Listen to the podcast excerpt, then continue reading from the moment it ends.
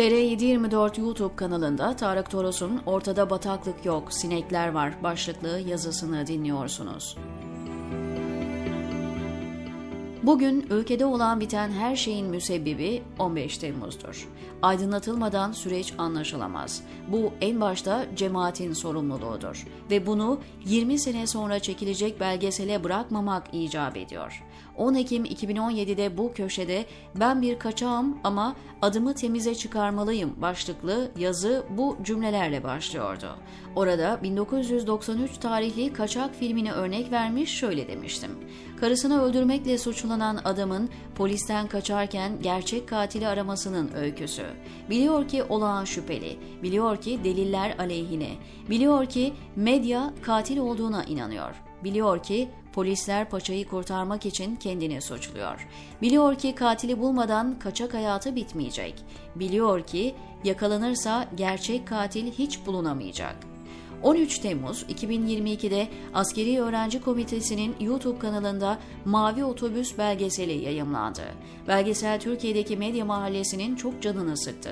Neden sıkmasın ki? Karşınızda sizi anlamaya çalışan, ortaya belgeli bir hakikat çıktığında hikayesini revize edecek bir model yok. Karşınızda rejimin sadık çalışanları, iktidarın açtığı zararsız alanda itiraz ediyormuş gibi yapan icazetli muhalifler var özenle ve ısrarla devletin resmi tezlerinin propagandasını yapmakla yükümlüler.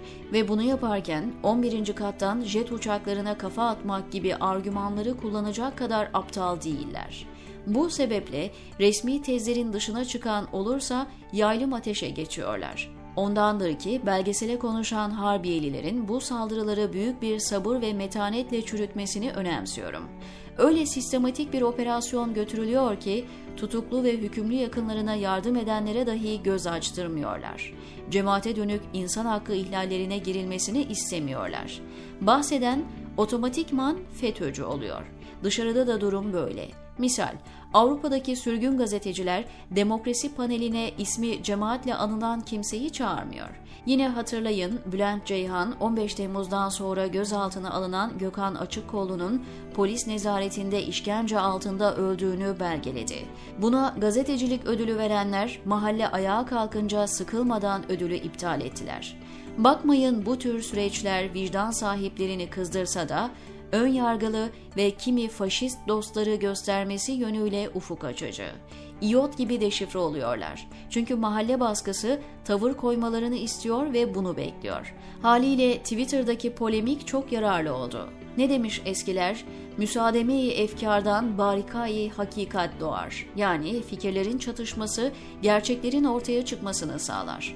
15 Temmuz kutlamaları bu yıl cılız geçmiş. Taşıma suyla değirmen dönmüyor. Operasyonel cephe panikte.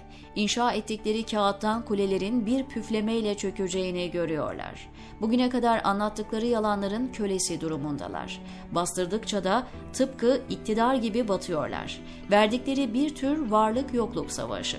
Bu cephe kamu yararıyla değil, kime yaradığıyla ilgilenir. Teşbihte hata olmaz. Kapıları açıp cennet ve cehennemi gösterseniz dahi bunu siz yaptığınız için imana gelmezler. Ondandır ki doğru olduğunu bildikleri halde 17-25 Aralık dosyasına dönüp bakmadılar ve fakat Sedat Peker'in ifşalarıyla ilgilendiler. Oysa Peker 40 defa bir kurtarıcı olmadığını söyledi. Temiz toplum için mücadele eden biri değildi. Zaten bunun bir önemi yoktur. Bakmayın mahallede bunu çok iyi bilir ya Neyse, bunları ikna edemezsiniz. Laflarını ağızlarına tıkayacaksınız.